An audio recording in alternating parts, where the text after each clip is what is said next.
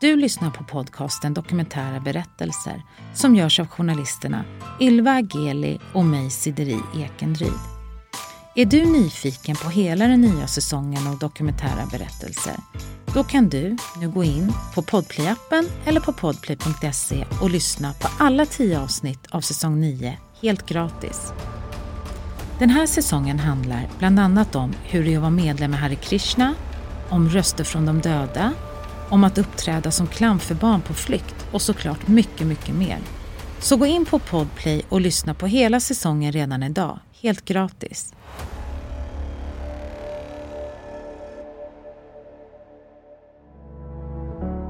Sverige har länge fått internationell kritik mot sina regler för personer som sitter häktade. Både Europarådet och FNs kommitté mot tortyr har riktat kritik mot de långa häktningstiderna och för de hårda restriktionerna som gäller för den som sitter i svenskt häkte. Men i häktet så led jag ju verkligen av ångest från morgon till kväll och det var otroligt tungt. I det här avsnittet berättar Johanna om sina 99 dagar i häkte, om hur isoleringen påverkade henne psykiskt och om kampen för att hålla sig stark. Det ska också handla om hur hon möter sitt livs stora kärlek, den person som också utför ett brott bakom hennes rygg. Och när vi träffades så sa han på vår första dejt att jag har inte alltid varit Guds bästa barn. Jag har gjort lite dumheter förr. Hennes berättelse går också att läsa i hennes bok Fängslad kärlek. Och för att förstå mer om häktningsreglerna i Sverige och få en djupare inblick i just Johannas fall så pratar vi med hennes tidigare advokat Martina Berg, numer seniorjurist. Ja, för ett sannolika skäl. Det krävs inte särskilt mycket i Sverige för att man ska anses vara misstänkt på sannolika skäl. Och då i det här fallet var det ju den gemensamma adressen och det här källarförrådet som de båda hade tillgång till.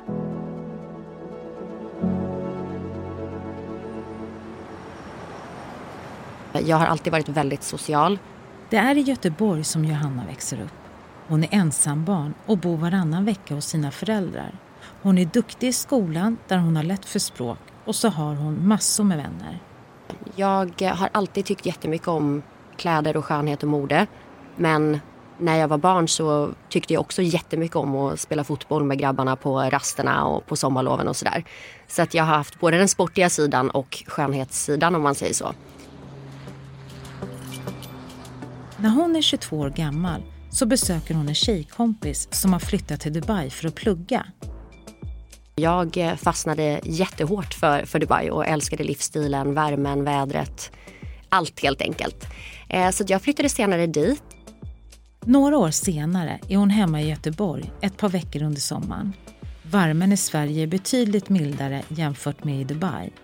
Det är den 1 augusti och genom en bekant blir hon introducerad för en man som senare ska visa sig bli hennes livs stora kärlek. I mina ögon så är han såklart den snyggaste mannen jag vet och som jag någonsin har lagt mina ögon på. Eh, han är lång, han är vältränad. Eh, typ 90-95 kilo muskler. Han är MMA-fighter, så supervältränad. Eh, bryr sig väldigt mycket om kost och träning och tränar gärna två gånger om dagen om han har möjlighet. Väldigt fina bruna ögon. Ett väldigt fint och charmigt leende. Och då var det inte mer än att vi satte oss på en uteservering i Linnéstan, tog någonting att dricka och satt och snicksnackade lite. Eh, vi hade alla väldigt trevligt tillsammans. Det var då jag, den redan existerande vännen, min kille som då inte ännu var min kille men det var han med i bilden och en kille till. Så det var jag och tre grabbar som satt på en uteservering och snackade lite. Vi beslutade oss för att dagen efter ta en lunch ihop eftersom vi alla hade så trevligt. Och det var väl lite där och då som det kom lite mer sparks mellan mig och min kille nu då. Eh, så att det var där eh, någonting växte fram mellan oss.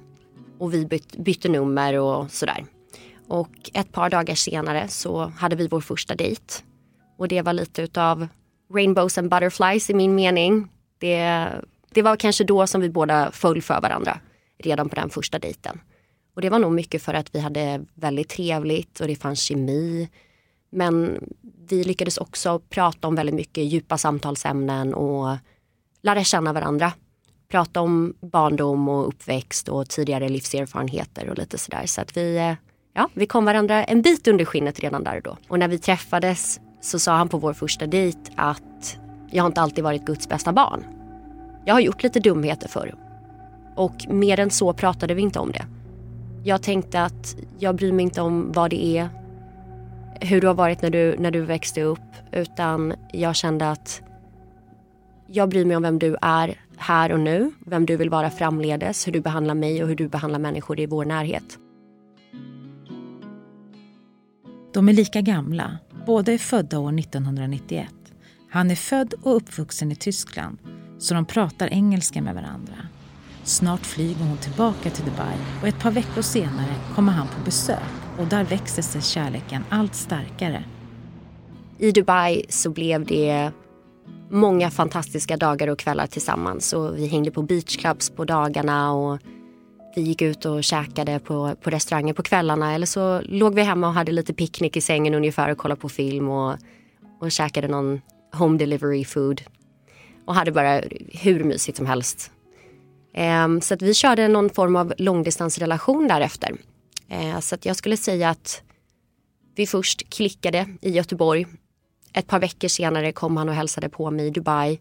Skulle då stanna typ fyra eller fem nätter. Men det slutade upp med att han stannade i tio nätter och att jag därefter flög med honom till Stockholm så att vi var i princip oskiljaktiga under första månaden. Vi ville liksom inte vara utan varandra. Och eh, ja, det är väl ofta så när man är nykär förmodar jag. Men det kändes verkligen helt rätt på alla plan oss emellan. Eh, så därefter så var det lite långdistans och vi flög mellan Dubai och Stockholm. Och Stockholm var då av anledning att han var bosatt här.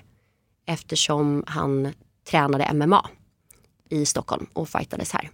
Den distansrelationen pågick i ungefär sex månader varpå vi beslöt att jag skulle flytta hem till Stockholm så att vi kunde ha en vardag tillsammans. Eh, och redan i ett ganska tidigt skede så, så sa jag det att om allting fortsättningsvis flyter på bra mellan oss så kan jag flytta hem efter ett halvår. Var, det kändes som en rimlig plan. Så den första mars 2019 landade jag i Stockholm och vi flyttade då in i en lägenhet tillsammans på Kvarnholmen utanför Stockholm. Tillsammans satsar de på ett liv tillsammans.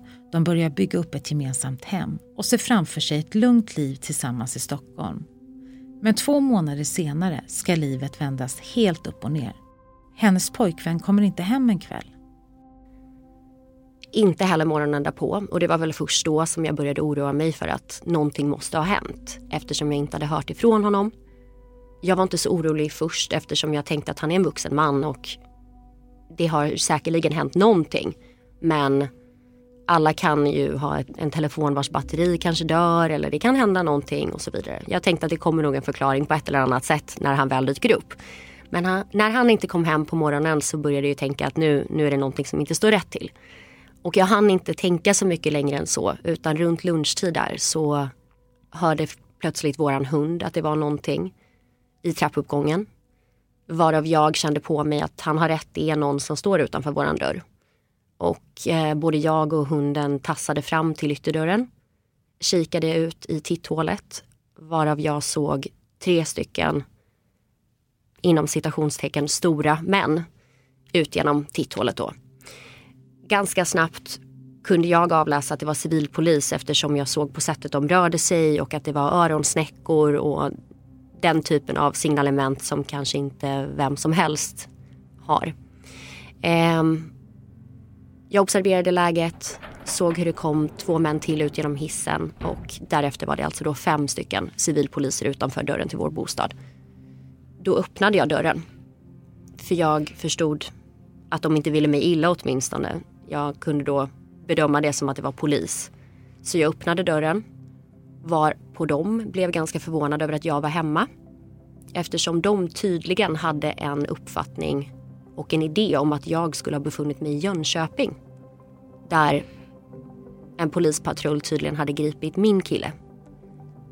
Ehm, och de dök upp med en husrannsakan av anledning att min kille då hade gripits i Jönköping. Mer än så fick jag inte veta till en början. Utan jag fick höra att vi är här från polisen. På uppdrag ifrån Jönköpingpolisen. Vi är här för att hjälpa dem. och vi behöver komma in i din lägenhet eller er lägenhet för att göra en husrannsakan. De ville först inte säga varför han hade gripits eller vad det var som hade hänt. Jag ifrågasatte om jag kunde få se någon typ av bevis på vilka de är och papper på att de har rätt att gå in i min lägenhet. Återigen, de stod inte uniformerade utan de stod som civilklädda polismän. Så någon typ av bevis ville jag ju gärna se innan, innan jag släpper in någon i mitt hem oavsett vem du säger att du är. Ehm, så att efter det så fick jag lov att se ett dokument som då tydligen var en husrannsakan. Där det framgick min mans namn och att han hade gripits för narkotikainnehav i Jönköping. Så där trillade poletten ner. Och det var då anledning till varför de ville komma in i lägenheten. Hur chockad blir du då? Ja, jag blev otroligt chockad och kände nog... Jag blev väldigt ställd samtidigt som jag kände att min värld precis rasade samman framför mig. Och med handen på hjärtat kan jag säga att det, även om jag var helt med i det läget så är det på något sätt som att det har nog svartnat lite också för att man blir så pass chockad, eller jag blev så pass chockad i det läget. Eh, du kan ingenting göra, du måste finna dig i situationen men det är ingenting du är förberedd på, det är ingenting du har kunnat förvänta dig eller föreställa dig ska hända. Men du förstår ju att det är polis och det är bara att göra som de säger. Förutsatt då att de kunde bevisa vilka de var givetvis. Ett poddtips från Podplay. I fallen jag aldrig glömmer djupdyker Hasse Aro i arbetet bakom några av Sveriges mest uppseendeväckande brottsutredningar går vi in med hemlig telefonavlyssning och, och då upplever vi att vi får en total förändring av hans beteende. Vad är det som händer nu? Vem är det som läcker? Och så säger han att jag är kriminell, jag har varit kriminell i hela mitt liv men att mörda ett barn, där går min gräns. Nya säsongen av Fallen jag aldrig glömmer på Podplay. Hur, när du ser att det står narkotikabrott där och det är kopplat till din man, tänker du då ja det skulle kunna vara så eller va? Vad, alltså, vad är din första reaktion? Jag tror att min första reaktion var att jag blev väldigt chockad över att det var ett så pass allvarligt brott. Min förhoppning, om man säger så, var kanske att han hade blivit fasttagen för vårdslöshet i trafik eller att det hade kanske blivit någon typ av tumultartad situation. Återigen, han är MMA-fighter, han kan ha lite temperament. Jag tänkte att det kanske har, har hänt någonting i den stilen. Um, det var min första gissning och tanke. Att han kanske hade tappat fattningen av någon anledning.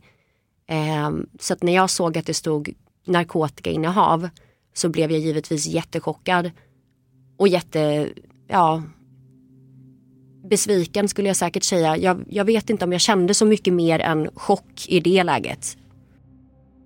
Det första som hände var ju att de sökte igenom vår lägenhet då i syfte efter att leta efter mer narkotika eftersom min, min man hade blivit tagen med narkotika. Eh, och där är det väldigt viktigt att poängtera att det inte fanns någon narkotika i vårt hem.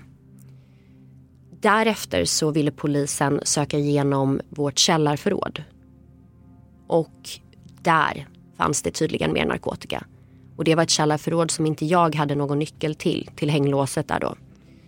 Eh, och det var först där och då, efter att de hade hittat narkotika i källarförrådet, som åklagaren i sin tur beslutade att jag skulle gripas. Inte nog med att hennes pojkvän är gripen och det genomförs en husrannsakan. Det ska nämligen visa sig att även Johanna är misstänkt för brott. Vi hör Martina Berg, en av de advokater som representerade Johanna. Ja, för sannolika skäl. Det krävs inte särskilt mycket i Sverige för att man ska anses vara misstänkt på sannolika skäl. Och då i det här fallet var det ju den gemensamma adressen och det här källarförrådet som de båda hade tillgång till. Det var enkelt uttryck det som krävdes för att hon skulle begära häktad. Hon grips och hamnar på Västberga polisstation där hon mer tydligt blir informerad om vilket brott hon är misstänkt för. Vilket i det läget var narkotikainnehav samt narkotikabruk. Det var vad de då misstänkte mig för. Och där ville de då såklart ha ett urintest. Men jag är en person som inte hade brukat narkotika då och inte heller någonsin i mitt liv har brukat någon narkotika. Inte testat, inte rört något. Eh, där kan jag också säga att ganska snabbt därefter så lades ju den misstanken om eget bruk ner eftersom mina, eller mitt urinprov var negativt. Eh, men de höll ju kvar vid misstanken som då var grovt narkotikainnehav.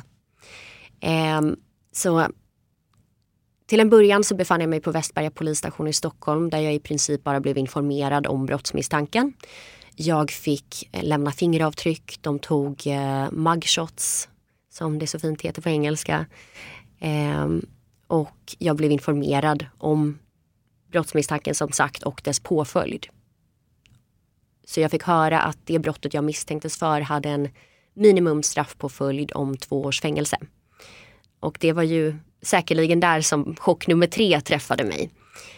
Eh, för det var inte heller någonting man hade kunnat föreställa sig och inte ens när jag första gången då fick höra att jag var misstänkt hann jag tänka tanken att det också potentiellt skulle kunna leda till ett straff med tanke på att jag återigen inte hade någonting med saken att göra och allting kom som, som chock efter chock efter chock gentemot mig. Så att i de lägena så tror inte jag att jag någonsin hann tänka ett steg längre utan det blev hela tiden att man levde i nuet och allt hände ju inom loppet av några minuter hit och dit. Så det var det. Eh, nästa förhör skedde nog dag två i arresten. Och då var det ett förhör som misstänkt. Under tiden som hon eh, satt häktad så utreder man ju vilken kännedom hon skulle då ha haft om den här narkotikan som hittades. För att bli häktad så krävs det att man är på sannolika skäl misstänkt för ett brott som kan ge fängelse på minst ett år. Martina Berg igen. För att man också ska kunna häktas så måste det finnas en risk för att man kanske håller sig undan under en förundersökning. Eh, man ska förstöra bevisning eller om man av någon anledning skulle fortsätta sin brottsliga verksamhet. Då är det i synnerhet personer som tidigare har dömts för brott. Och sen i det här fallet, eftersom Johanna var ju misstänkt för grovt narkotikabrott, så finns det ju den så kallade tvåårsregeln, eller egentligen så heter den obligatorisk häktning, som slår på de brott där man då kan minst få två års fängelse. Men då är det fortfarande viktigt att de övriga särskilda häktningsgrunderna, det vill säga flykt, risken att man då avviker eller att man förstör bevisning eller fortsätter sin eh, brottsliga verksamhet också finns med så att säga. Eh, så man kan inte bara hävda att här riskerar personen två års fängelse så därför ska han eller hon häktas. Sen får man heller inte glömma eh, proportionaliteten. Åtgärden att frihetsberöva någon måste vara proportionerlig, det vill säga att den är så pass viktig den biten så att de men som det innebär för den som sitter häktad är inte så pass allvarliga i förhållande till eh, hur nödvändigt det är att han eller hon sitter frihetsberövad under förundersökningen. Så det är ganska mycket som, som ska tas med när man fattar beslut om att begära någon häktad och sen då domstolen också häktar den personen.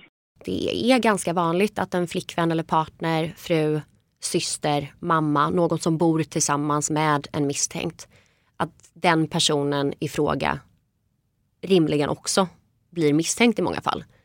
Åtminstone till en början.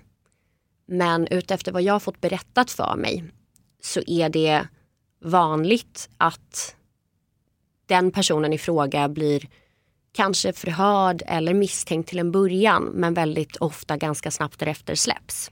På ett sätt så visste jag ju, jag visste ju själv att jag var oskyldig. Jag visste själv att ni håller mig här utan bevis. Enda grunden till att de höll mig var för att jag och min kille var bosatta på samma adress och det hade påträffats narkotika i vårt källarförråd tillhörande vår gemensamma bostad. Trots att han hade gripits med narkotika i en annan stad och jag inte var närvarande i den situationen. Trots att jag inte hade nyckel till det där källarförrådet och de genomsökte mig såväl som hela vårt hem. Brottet i sig var ju så pass allvarligt, men, men sen också gjorde man gällande att det fanns risk för att hon skulle hålla sig undan eller då när det gäller undanröja bevis så kan vi väl göra det enkelt att det finns en risk att man kanske ska tala med människor som också kommer omfattas av förundersökningen eller då hennes eh, pojkvän då som också, eller sambo, som också satt frihetsberövad eh, och misstänkt eh, för samma brott. Ehm, att de skulle kunna tala ihop sig på fri fot. I Johannas fall är det väl egentligen inte eh, så sannolikt att hon skulle ägna sig åt någon fortsatt brottslig verksamhet, för hon var ju inte dömd sen tidigare. Men, men sett till, till det allvarliga brottet som hon var misstänkt för så, så upplever jag att det många gånger finns en en tanke. Om man är beredd att göra det här så finns det ju en risk att man är beredd att göra någonting annat om du förstår vad jag menar. Efter ett par timmar flyttas Johanna till polisstationen i Jönköping där hon ska tillbringa tre dygn i polisarresten. Där gjorde jag inte jättemycket första dygnet. Eh, jag anlände sent på kvällen. Runt kanske klockan 22. Helt emotionellt utmattad. Jag hade redan gråtit hela dagen och jag grät nog så mycket jag orkade och till slut så ville jag väl sova mig igenom natten för att jag var helt slut, helt chockad och det finns ingenting annat du kan göra. Eh, de kommande dagarna där, de kommande två dagarna så jag satt och tänkte, jag satt och grät. Jag försökte träna inne i cellen bara för att hålla mig sysselsatt för stunden. Det är liksom en liten betongcell med betonggolv, betongväggar, ett minimalt fönster där du ser lite, lite utav himlen och i övrigt en väldigt deprimerande vägg, eller förlåt, mur. Så att eh, någon upplyftande utsikt var det ju inte. Eh, jag försökte hålla mig sysselsatt och det, det var ju inte enkelt men kör du lite squats och lite sit-ups och så vidare så kan du väl hålla dig sysselsatt några minuter hit och dit i alla fall. Och försöka göra någonting bra för dig själv i misären. Eh, så det var det jag gjorde och eh, efter några timmar eller en, ja, kanske efter halva dagen hade gått där dag två så slog det mig att jag kanske kunde fråga efter böcker. Och då frågade jag personalen om det gick bra att låna någon bok. Och det gick det. Det var helt okej. Okay. Och det förvånade mig också att inte arrestpersonalen kunde vara så pass humana att man faktiskt erbjuder en bok. Inte bara till mig utan till alla som sitter där. Jag känner att det är det minsta man kan göra. Men också till någon som, som mig som uppenbart satt och sa att det här är första gången. Jag, jag var helt förstörd. Jag grät konstant. Och eh, hade någon varit lite mänsklig och kanske erbjudit en bok så hade det säkerligen underlättat redan tidigare. Men från där och då så läste jag och då gick jag verkligen från att inte frivilligt ha läst ut en bok sedan skoltid till att sluka tre, fyra böcker inom loppet av typ ett dygn. Så att det blev ju lite av räddningen i arresten. För du har ju nästan lite klaustrofobiska känslor. Oh ja, ja. Inte, inte så lite heller. Det var ganska extrem klaustrofobi där inne.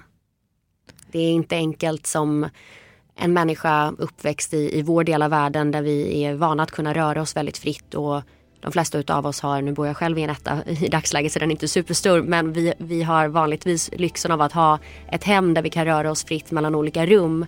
Vi kan gå in och ut genom vår ytterdörr och gå ut på en promenad. Eh, många kan också resa och röra sig till andra delar av, av landet eller världen men vi alla i den här delen av världen har ju åtminstone möjligheten att gå ut och ta lite frisk luft. Så att, att plötsligt bli fråntagen allt det som vi tar för givet och bli inslängd i en liten deprimerande, mörk, kall betongcell på sju kvadratmeter där du inte kan öppna ett fönster och känna frisk luft. Och du inte kan öppna dörren eller dra i dörrhandtaget själv för att komma ut det är ganska obeskrivligt och det är ganska svårt att sätta sig in i hur det känns om man inte själv har upplevt det. Jag tror att de flesta av oss eh, vet hur det känns att, att eh, åka hiss och så kanske det känns som att hissdörren är på väg att inte gå upp eller någonting sånt. Då kan man ju få lite panik för en sekund. Jag skulle nog säga att det är lite samma känslor men ja, kanske inte lika litet som en hiss. Men du är lika instängd och du kan inte öppna den där dörren. Vill man gå på toaletten under den tiden som man sitter i arresten då får man lov att ringa på en eh, signalknapp. Ehm, och då kommer en, en, en ur personalen, en vårdare som det kallas eller vakt kanske någon annan skulle säga. Men då kommer någon vårdare efter en stund. Ehm, alternativt så svarar de och pratar till dig genom den här högtalaren du har på väggen in till den knappen man har tryckt på. Och så får man då säga hej, jag eh, behöver gå på toaletten tack. Och eh, ja, har du tur så kanske någon är utanför, utanför i korridoren där och då. Eh, har du lite otur så kanske inte någon kommer förrän efter tio minuter. Det är inte hela världen men det beror väl på hur akut det känns och för, för vem det är. Men eh, då kommer någon i alla fall och öppnar dörren när de behagar. Eh, låser upp din cell celldörr och eh, eskorterar dig till en toalett. Där de låser in dig och sedan får du uträtta dina behov oavsett om du gör nummer ett eller nummer två så får du sedan signalera med en knapp på insidan igen och då eh, spola dem från utsidan. Så du får givetvis ha dörren stängd och låst när du är på toaletten men du kan inte spola själv inifrån utan det gör personalen utifrån. Man ska anses vara oskyldig tills motsatsen är bevisad. Eh, och det innebär ju att, att eh, som en åklagare till exempel ska ju bedriva en objektiv utredning. Det vill säga att han eller hon ska ju utreda mm, Finns det tillräckligt för att gå upp och väcka åtal? Finns det tillräckligt för att, att anse att det är ställt utom rimligt tvivel att han eller hon har gjort sig skyldig till det här brottet? Eh, och sen har du ju också då klientens eh, offentliga försvarare som, som alltid utgår ifrån klientens berättelse och den är ju många gånger att, att personen är oskyldig. Och det är ju så vi ska bemöta de här personerna och, och det är ju så rättssystemet är och ska vara uppbyggt. Eh, men jag upplever ibland när jag har arbetat som offentlig försvarare att, att eh, klienterna kanske inte bemöts på det viset av samtliga aktörer. Eh, vilket jag tycker är väldigt olyckligt. I nästa avsnitt.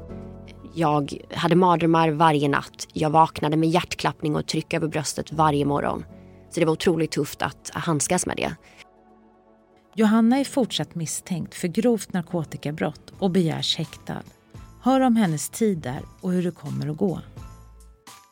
Glöm inte att alla avsnitt av säsong 9 finns ute redan nu, helt gratis på Podplay. Vill du komma i kontakt med oss som producerar den här podden och kanske dela med dig av din livshistoria? Mejla då kunskapsstudion gmail.com.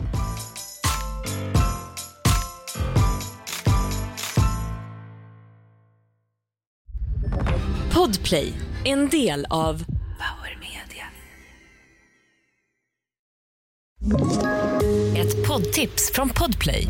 I fallen jag aldrig glömmer djupdyker Hasse Aro i arbetet bakom några av Sveriges mest uppseendeväckande brottsutredningar går vi in med hemlig telefonavlyssning och, och då upplever vi att vi får en total förändring av hans beteende. Vad är det som händer nu? Vem är det som läcker? Och så säger han att jag är kriminell, jag har varit kriminell i hela mitt liv men att mörda ett barn, där går min gräns. Nya säsongen av Fallen jag aldrig glömmer på Podplay.